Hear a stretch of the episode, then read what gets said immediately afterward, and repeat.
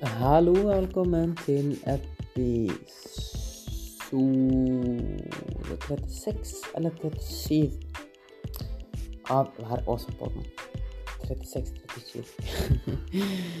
I dagens episode så skal jeg snakke om dette her med for lite kalorier. Er det mulig å spise for lite kalorier for å gå ned i vekt? Vil man få ødelagt forbrenning? Vil man få langvarige skader? Og hvis det går greit, hva bør man passe på? Alt dette her får du svar på i episoden, og jeg anbefaler deg virkelig å sjekke ut shownotene. Der er det noen virkelig gode godbiter. Um, og før jeg gir deg tilgang på denne episoden, så vil jeg bare si at jeg setter veldig veldig stor pris på om du kan gi en rating og review på podkasten, og gjerne sleng på et abonnement. Og du, du som lytter nå, ja du. Jeg ser på lyttertallene. Og så ser jeg på folk antall subscribere og antall vurderinger på poden. Det er kun 10% ish som har gitt en vurdering. Så hvis du hører på nå, og ikke har gitt en vurdering, eller ikke subscriber til denne podkasten, så syns jeg du bør gjøre det. Kom igjen, gjør det nå. Kom igjen, dra fram telefonen din og gjør det. Takk skal du ha. Og ta jeg også gjerne en skjermbilde av at du hører episoden, eller ta et bilde av hvor du hører episoden, og del det i storyen din. På den måten så kan podkasten vokse, og flere folk kan ha nytte av den. Og med det så er det kun én ting som gjenstår, og det er Ja, nei. God lytt og det jeg skulle si.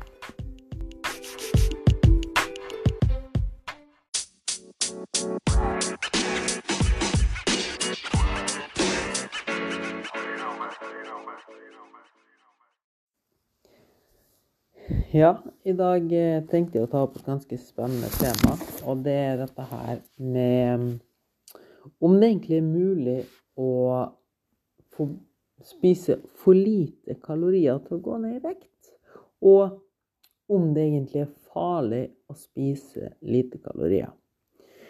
Du har sikkert hørt det veldig ofte at 'Å, pass på at du ikke spiser for lite', og 'en crash diet gjør ikke at du kan gå ned i vekt', og slike ting, og vektningene bør øh, forbindes med å legge best mulig gode vaner og slike ting.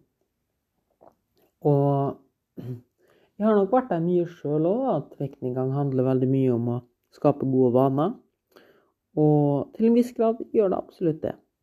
Men i det siste så har jeg også reflektert litt over det, og jeg har hatt litt flere kunder også som har opplevd det samme og har jobba med det. Og det er det at det er ikke farlig å gjøre ting litt drastisk i starten. Um, F.eks. da en ekstrem vektnedgang, en ekstremdiett med veldig få kalorier. Det er ikke farlig i det hele tatt. Og hvis man har eh, motivasjonen og gnisten i starten, så er det ingenting imot å gå på en veldig, veldig lavkaloridiett i starten av en vektnedgang. Eller kanskje hele vektnedgangen. Altså, det er jo det fysiologiske. At det rett og slett ikke er farlig.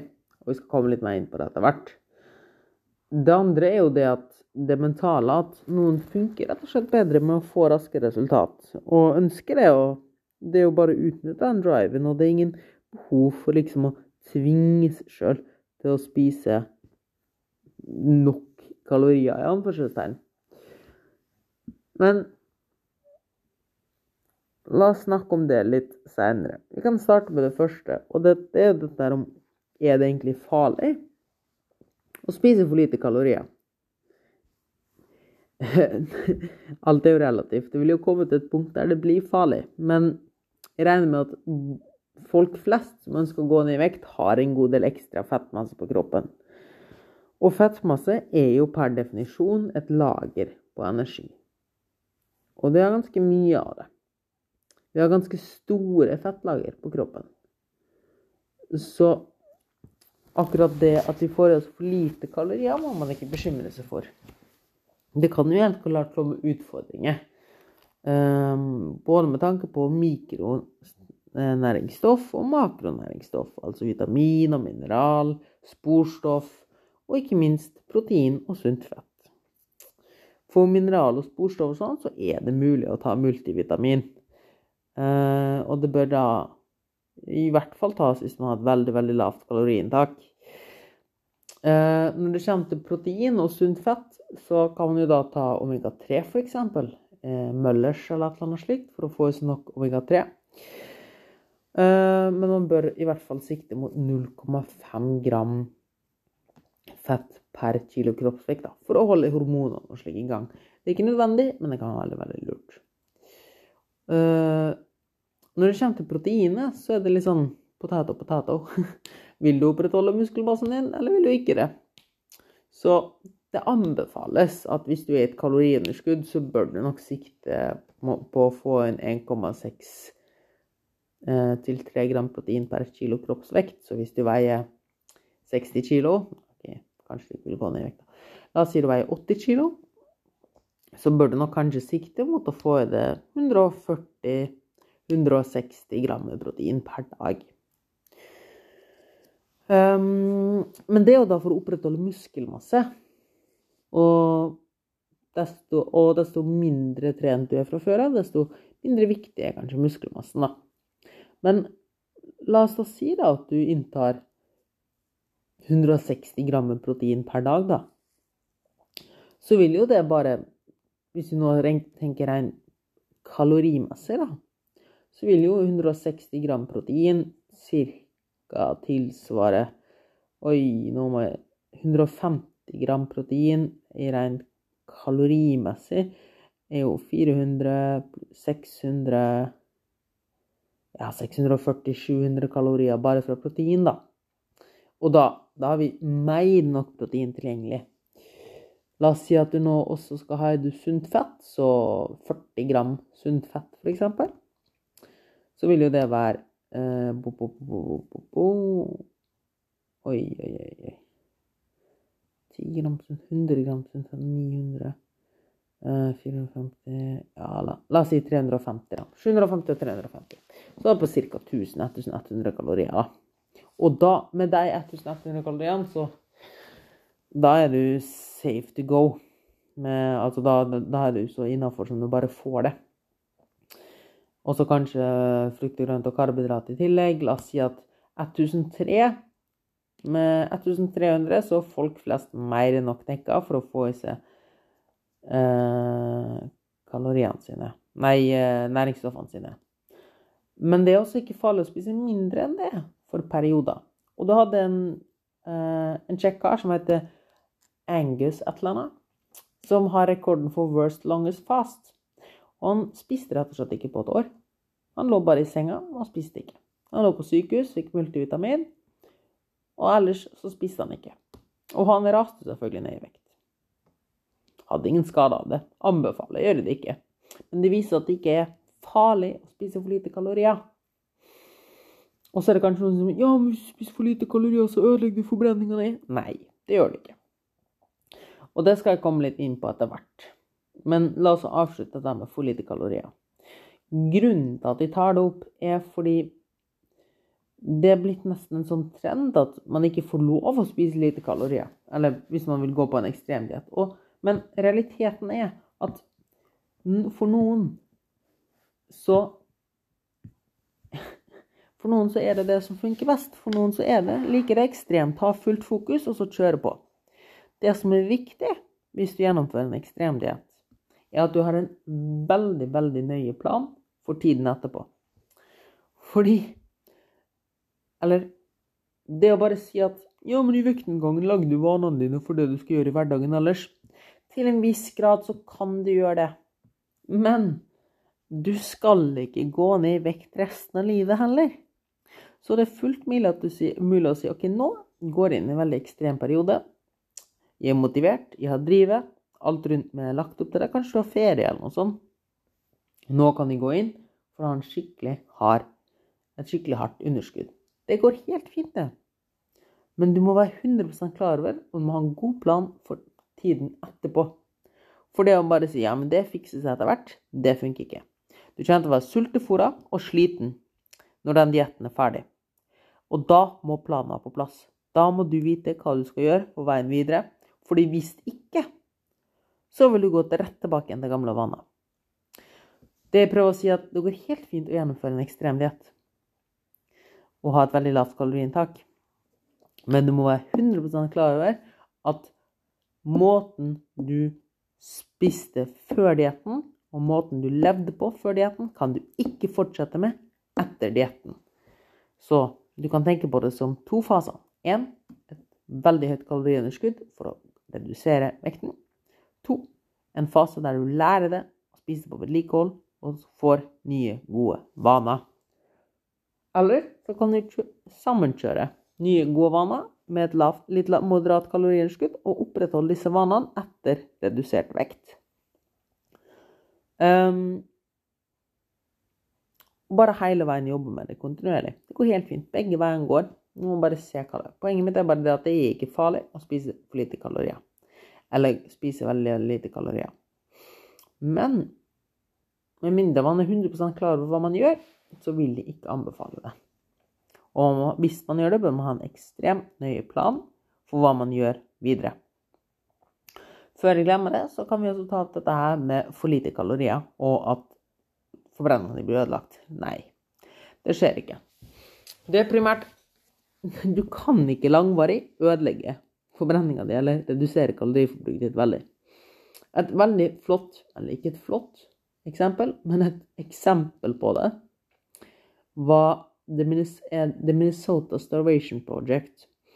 Det ble da gjennomført etter andre verdenskrig med krigsfanger. Og et slikt prosjekt kan ikke gjennomføres lenger, for det er ikke etisk gjennomførbart. Um, der de rett og slett tok krigsfanger og ga dem ekstremt lite kalorier, samtidig som at de hadde veldig høyt fysisk aktivitetsnivå. Det var noen litt sjuke historier som kom ut fra den her. Eh, det var folk som nesten begynte å spise Kutte av deler av seg sjøl for å spise dem. Mye rart. Du kan søke opp Minnesota Starvation Project. De gikk summa summarum er at de spiste ekstremt lite kalorier, hadde ekstremt høyt aktivitetsnivå og raste ned i vekt. Etter vektnedgangen var det ikke noe tegn til at metabolismen, altså forbrenninga deres, var noe særlig redusert. Selve grunnforbrenninga, altså BMR, basal metabolic rate, kunne reduseres opp til 15 Så la oss si at du har en BMR på 1500, som er ganske vanlig for en voksen person. Så kan den under ekstreme omstendigheter ekstremt ekstreme omstendigheter reduseres med 20% Da snakker vi ekstremt. Så det vil da si at i stedet for 1500 kalorier, så forbrenner du 1200 kalorier i grunnforbrenning. I tillegg til dette her kommer termiske effekter, mat, aktivitetsnivå etc., etc., etc. Selve grunnforbrenninga skal aldri sett, tror at den reduseres mer enn 20% Aldri si aldri, men det skjer så å si aldri. Og det er på en ekstrem diett. Det som derimot skjer hvis du spiser veldig, veldig lite kalorier, og det er her mye av den myten kommer fram, er at man rett og slett beveger seg mindre. Ikke nødvendigvis i form av trening, men beveg deg mindre i hverdagen. Du fikler mindre, du går mindre, du tar mindre trapper. Alle disse tinga bidrar til forbrenninga di, og er den mest undervurderte delen av forbrenninga di såkalt NEAT. Non-exercisal activity thermogenesis.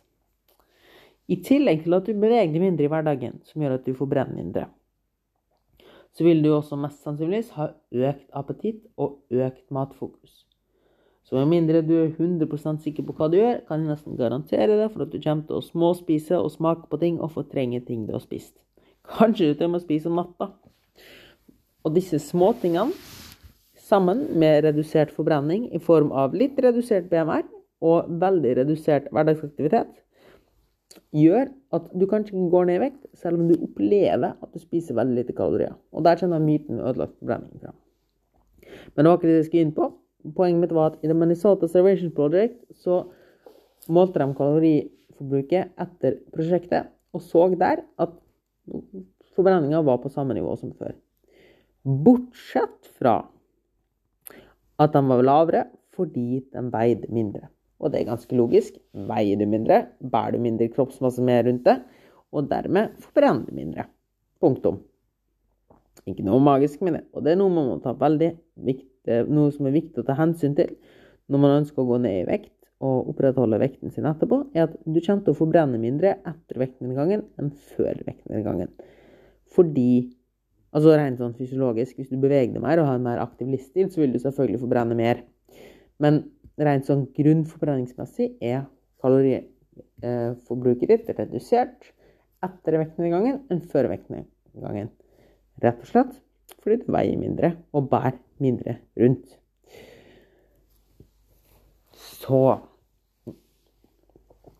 Når vi da ser på dette her, som vi litt nevnte om, da Hvorfor kan Eller la oss se på pros og cons, altså fordeler og ulemper med å gå på en ekstrem diett. Fordelene er jo at går rask, du går raskere ned i vekt. Og for noen så vil det være veldig, veldig aktuelt. La oss si at du har et underskudd på 1000 kalorier per dag. Så tilsvarer det 7000 kalorier i uka, pluss-minus, som er pluss-minus ned 1 kilo i uka. Så på ett år kan du da gå ned 52 kilo. La oss si 50 kilo, da. For noen som er veldig, veldig, veldig overvektig, så kan det være veldig lurt. Fordi å si ja, du skal ha et moderat underskudd på uh, 300 kalorier per dag, som gjør at du går ned 335 gram i uka Denne personen må da slanke seg tre til fire år hvis den skal gå ned 50-60 kilo. Å gå på en diett i tre til fire år på rad, det kan være veldig, veldig mentalt tungt for noen. Så det å da ha den gulroten at jeg gjør dette her et år jeg tar meg kanskje fri fra jobben, hva det nå skal være, og gå på en ekstrem diett. For noen så funker det veldig bra.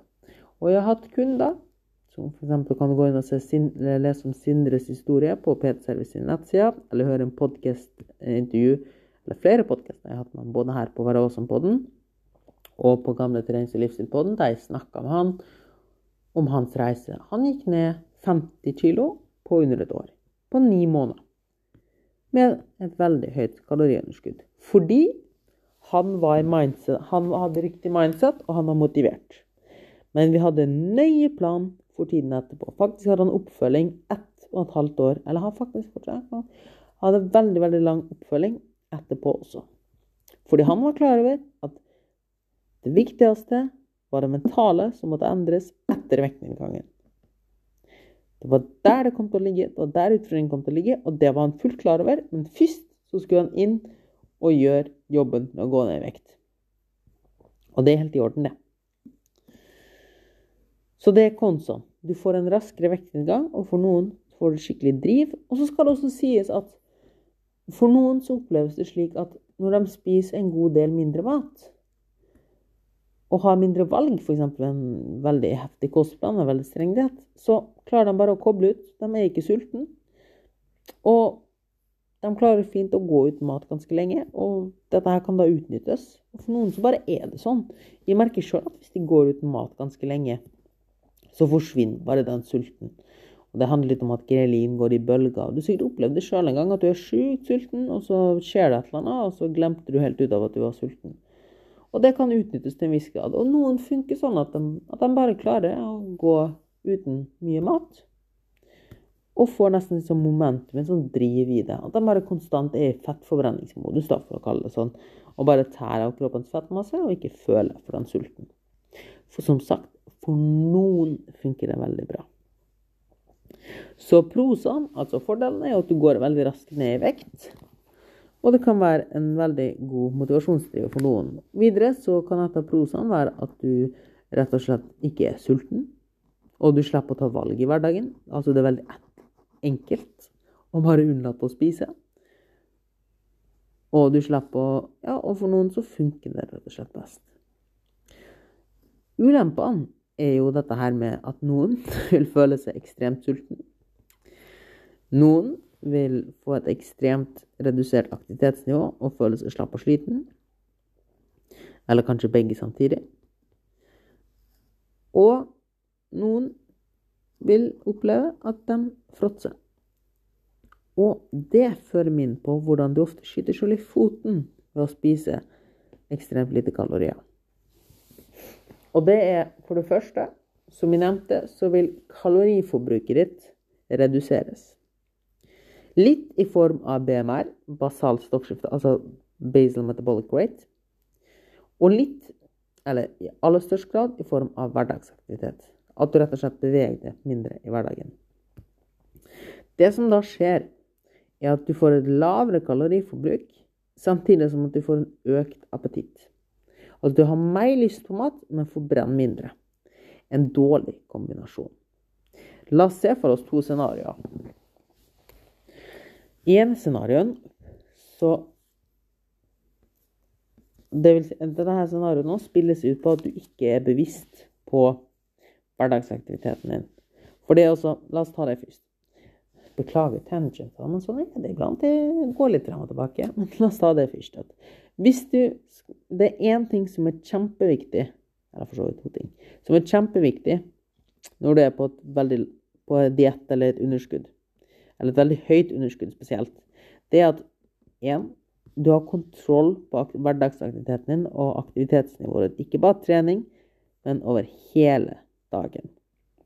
Ved å bruke en skritteller eller et eller annet sånt på telefonen. Men det beste er bare å ha en klokke, en smartklokke eller treningsklokke som teller skrittene dine. Den enkleste måten å måle det på. Ikke at det er noe magisk med skritt, men det er en enkel måte å måle hverdagsaktiviteten på. Der er det kjempeviktig at du overvåker den og passer på at den helst holdes høyt, eller på samme nivå. Hvis du ikke gjør det, så vil du 100% uten å tenke over det, redusere aktivitetsnivået ditt. Som igjen vil gå utover forbrenninga di, altså hvor mye du forbrenner i hverdagen. Så det er kjempeviktig på en diett at du har kontroll på hverdagsaktiviteten din. Og jeg skal linke til en fantastisk bra artikkel av Physiconomics i shownotene, der det er litt bedre illustrert med tall og slike ting, hvor mye hverdagsaktiviteten har å si for kaloriforbruket ditt. Men det er så vanvittig mye mer enn det du tror. Åh, det er så undervurdert. Det er så undervurdert. Og hvis du vil, så kan jeg også lage en egen episode om hverdagsaktivitet ved et senere tidspunkt. Um, og det har mye, mye mer å si enn trening. Så det er utrolig viktig at du passer på dette her når du er på en diett. Videre så er det utrolig viktig at planen etter dietten er klar. Og du er 100% på at slik du levde før dietten, kan du ikke leve etter dietten. Uavhengig av om du gjør det på en ekstrem måte eller på en mer moderat måte. Tilbake til dette paradokset med folk som da opplever at de er på diett, men ikke går ned i vekt. Og grunnen, eller det negative ved et høyt kaloriunderskudd der du ikke har kontroll eller et lavt kaloriinntak, hvis du ønsker å kalle det men uansett. Og det er jo da at med mindre du monitorerer hverdagsaktiviteten din, så vil du forbrenne mindre. Ikke sant? Så nå til scenarioet. La oss si at du har et vedlikehold på 2000 kalorier. Til vanlig. Så spiser, ved å spise 2000 kalorier, så holder du vekten din så ønsker du å ha et moderat kaloriunderskudd eller litt høyere kaloriunderskudd. Ja, la oss si at du nå spiser 1500 kalorier per dag. Nei, beklager. 1000 kalorier per dag. Så 1000 kalorier underskudd per dag. 20, nei, 1 kilo ned i uka. Men siden du spiser på denne måten, så går kroppen din inn i litt sånn sultemodus, starvation mode, som det likes å kalles. Nei, men det skjer tilpasninger i stoffskiftet ditt. Eh, la oss si at du er en hyperresponder, så det skjer at du nå har et, en BMR, en grunnforbrenning, på 1000 Der den kanskje før var 1600, 1700, så er den kanskje nede på Nei, 1600, så er den kanskje nå nede på La oss si at den går ned med 300 kalorier, altså ca. 28% nei, 18 ned, så er den nå på 1300. Så BMR-en din, basalstoffskiftet ditt, har nå gått ned til 1300 kalorier. Siden du ikke passer på hverdagsaktiviteten din, så er du veldig slapp og sliten i hverdagen. Beklager, jeg sa feil. BMR-en din er på 1500. Ser du, det er derfor jeg ikke driver med tall i sånne podkaster. Vi tar det helt fra starten. Du har et vedlikehold på 2000 kalorier. BMR-en din er på ca. 1500 kalorier. Siden du kun spiser 1000 kalorier, så har den blitt redusert med ca. 20% til 1200. Potato, potato. Sånn cirka. I tillegg så passer ikke du på hverdagsaktiviteten din, så du beveger deg nesten ikke. Bare sånn det du må. Kjøre til jobben og slike ting. Kanskje du trener litt i ny og ne. Men det gjør at du nå i gjennomsnitt forbrenner 1500 kalorier per dag. Så kaloriforbruket ditt har redusert med 500 kalorier per dag. Så nå har du bare daglig underskudd på 500 kalorier per dag. Men du føler det som en dritt fordi du spiser kun 1000 kalorier og er slapp og sliten. Som er helt i orden hvis du er klar over det. Men sannsynligvis hadde du vært mye bedre hvis du hadde passa på hverdagsaktiviteten din. Uansett. Du passer ikke på slike ting og har nå et, kun et forbruk på 1500 kalorier. Du føler det som en dass. Du har ganske lite kalorier igjen per dag. Og det verste er da at du går på en smell i ny og ne. Eller kanskje du, ja, du går på en smell i ny og ne. Men nå har du kun et forbruk på 1500 kalorier per dag. Og med den livsstilen og de vanene du har tilegna deg nå, med de 1000 kaloriene, så vil du da ved å spise f.eks. en dag med 3000 kalorier, har du da allerede overskudd på 1500 kalorier. Sånn ca. 1400-1300, siden du sannsynligvis vil bevege deg litt mer, og termisk effekt og slike ting. Men la oss gjøre det enkelt da, og si at du da har et overskudd på 1500 kalorier på en dag. Som er ganske mye, og spesielt med tanke på at du er litt sånn kroppen er i en modus der han suger til seg alt han kan næring, så er sannsynligheten veldig stor at du vil legge på deg fettmasse av disse 1500 kaloriene, fordi kroppen suger til seg alt han kan, fordi han er i dette moduset som vi snakka om. Så da legger du nesten på det 200 gram den, i fettmasse på den ene gangen. Og det er litt dette her som er paradokset med weekday, weekday warriors, som da spiser veldig lite i ukedagene og lite i helgen er jo da at de gradvis ligger på seg, fordi kaloriforbruket er mindre. Og når de da først fråtser, så legger de på seg fett. Men det var ikke det jeg skulle frem til. I det andre scenarioet, og du kommer til å skjønne poenget mitt etter hvert her I det andre scenarioet så spiser du 1500 kalorier per dag. I dette tilfellet så spiser du mer mat, og du passer på eh, aktivitetsnivået ditt som gjør at kaloriforbruket ditt per dag fortsatt er 2000 kalorier. Fordi du får ikke redusert eh, basalstoffskifte fordi du får nok mat. Og du passer på hverdagsaktiviteten din. At den er like høy. Så forbrenninga di blir på 2000 kalorier. Det som er, er at du spiser 1500 kalorier nå, men har også et underskudd på 500 kalorier per dag. Fordi forbruket ditt er ikke tilpassa. Så du spiser 500 kalorier mer per dag, men har fortsatt det samme underskuddet på 500 kalorier per dag. Fordelen her er at de mest sannsynligvis ikke kommer til å være like sultefòra og føle det som en dritt. Du har mer mat i hverdagen. Og trommevirvel hvis du skulle spise et kalorioverskudd, så ser ikke kroppen helt samme behovet for å suge til seg alt den kan av fettmasse. Så hvis du nå igjen i samme scenario spiser 3000 kalorier en dag, så spiser du faktisk bare et overskudd på 1000 kalorier i tillegg. Fordi stoffskiftet ditt er jo ikke tilpassa i samme grad. Og det er her og Så her ser du da hvor innvikla dette med kalorier er. Fordi hvis du er flink og passer på og har en høy hverdagsaktivitet, så vil du ved en 1000 kaloriers diett og kanskje noen veldig strategi strategiske refits ha et veldig høyt underskudd på 1000 kalorier per dag, som gjør at du går ned en kilo i uka. Hvis du ikke passer på, og ikke vet helt hva du gjør, så vil de samme 1000 kaloriene kunne resultere i en halv kilo i uka, eller kanskje det med at du går opp i fettmasse, fordi du ikke vet hva du gjør. Så det å bare vilkårlig gå på en ekstremdiett er ikke å anbefale. Fordi det er så mye du ikke, for, ikke tenker over som kan skje, og som potensielt påvirker det hele. Men hvis du vet hva som skjer, og du har kontroll, stålkontroll, eller at du får hjelp av noen, Kostholdscoach. Kostholdsveileder, for eksempel, Moritz. Nei da. Uh, gjennom Petseries. uh,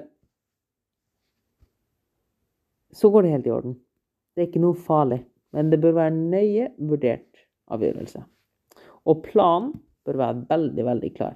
Spesielt første uken etter dietten bør være veldig, veldig klar. Eller kanskje du bør ha diettpauser, sånn at diet breaks inni der. Ikke at det er nødvendigvis mye sykt mye bedre, men det er greit å ha med seg. Når du da kommer til det, så For å oppsummere det hele, det er ikke farlig å gå på en ekstrem diett. Du må bare ha en veldig nøye plan for tiden etterpå. Og du må ha en veldig nøye plan på tiden underveis. For det er veldig mange ting som kan stikke kjepper i hjula på seg. Derfor er det altså slik at folk flest som bare vil gå på en ekstremdiett, hopper rett opp igjen i vekt eller feil underveis, fordi de ikke vet helt hva de gjør. De tar ikke hensyn til veldig mange faktorer, og for de ikke har en plan for tiden etterpå. De tror at etter at de har gått ned i vekt, at jobben er gjort. Nei, den har jobben. Den kommer etter vektinngangen. Alle kan gå ned i vekt. Alle kan bli sulte seg ned i vekt. Det er ikke det som er problemet. Problemet er tiden etterpå. Det er da den harde jobben begynner, og det må du være skrekkelig klar over. Det er da du må begynne å jobbe med det. Det er da du må begynne å sette nye vaner. Så dere har hørt om når du går ned i vekt, må legge til deg gode vaner. Nei, du må ikke det. Du må på ingen som helst måte det. Fordi du skal ikke gå ned i vekt resten av livet ditt. Men Så du kan gjøre ting som ikke er bærekraftig. Så lenge du vet at det er for en periode, og du har en plan for tiden etterpå. Det er ikke sånn at forbrenninga blir ødelagt, eller noe som helst men du vil få en redusert forbrenning når du spiser veldig lite kalorier, både i form av tilpasning i basalstoffskiftet, men mest av alt i det at du mest sannsynligvis bare beveger deg mindre i hverdagen ubevisst.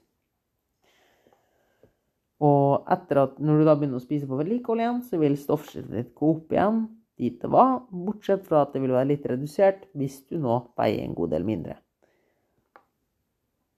Og det var egentlig det jeg hadde å si.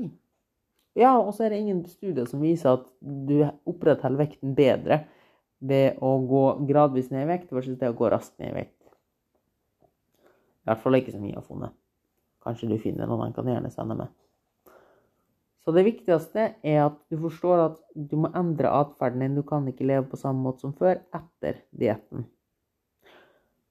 Og noen ønsker å gjøre den jobben når de har gått ned i vekt. Så først gjør de noe ubærekraftig, så bygger de opp en ny livsstil. Noen ønsker å gjøre det samtidig. Begge går greit. Bestem deg for én, og gjennomfør dem. Det er også mulig å kombinere dem, f.eks. at du har to-tre uker med ekstrem diett, og så to-tre uker der du har et litt mer moderat underskudd. Og der du på en måte øver på de nye vanene, da. Eller prøver å legge litt nye vaner. Og på den måten så kan du da ha rask uke og litt roligere uke. Tar kanskje en vedlikeholdsuke, og det er også en veldig høvelig ting å gjøre. At du har tre-fire uker med ekstrem diett, eller crash diet, og så én til to uker på det nye vedlikeholdet ditt, der du øver på de nye vanene dine. Tester det litt ut. Og så når du er klar igjen, så kjører du en ny ekstremdiett. Så at du kjører såkalt diet breaks. Så veldig fort oppsummert, ødelagt forbrenning finnes ikke. Du kan heller ikke ødelegge forbrenningen på sikt. På, etter at du øker kaloriinntaket ditt igjen, så vil BMR-en din gå opp igjen. Den største reduksjonen skjer i NEAT, altså Non-Exercise Activity Trauma Sizes. Tar du hensyn til dette her og passer på at du holder den oppe, så kan du unngå den tilpasninga, og du vil ha en liten tilpasning i basalstoffskiftet som vil fjernes igjen når du spiser på vedlikehold igjen. Bortsett fra det at du faktisk veier mindre, og dermed har du en lavere BMR. Huh. Jeg håper du fikk noe igjen for denne episoden. Trenger du hjelp med kostholdet ditt? Ønsker du å gå, ha en rask vektnedgang, og så bygge opp vaner for å holde den nye vekten din, så kan du gjerne ta kontakt. Så kan jeg enten i personlig hjelpe deg, eller så kan jeg komme med råd, eller så kan jeg anbefale en god kollega.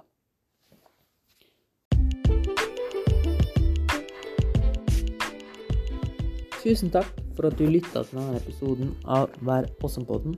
Jeg håper at du fikk noen aha-opplevelser, og jeg håper at du tar en titt i shownotene og ser på artiklene der. Hvis du ønsker at vi skal ta opp dette her med hverdagsaktiviteter, eller hvis du ønsker en ny episode med Sindre, eller kanskje du har forslag til andre gjester, eller kanskje du sjøl har en historie du vil fortelle, eller kanskje du har en mening rundt dette med for lite kalorier, så er det bare å sende meg en melding. Ta kontakt på moritz.ptservice.no, eller på Instagram, eller hvor som helst. Og ja, skriv det du mener. Gi meg også gjerne en vurdering på Spotify, eller iTunes, eller Google Podcast, eller uansett hvor du hører på meg. Og del gjerne denne podden, slik at vi gradvis kan vokse mer og mer. Og med det så har du kun én ting ja, Hvis du har interesse i coaching eller oppfølging av meg, så er det også bare å ta kontakt på moritz.ptservice.no. Og med det så er det kun én ting som står igjen, og det er gå og ha en awesome uke. Sklu!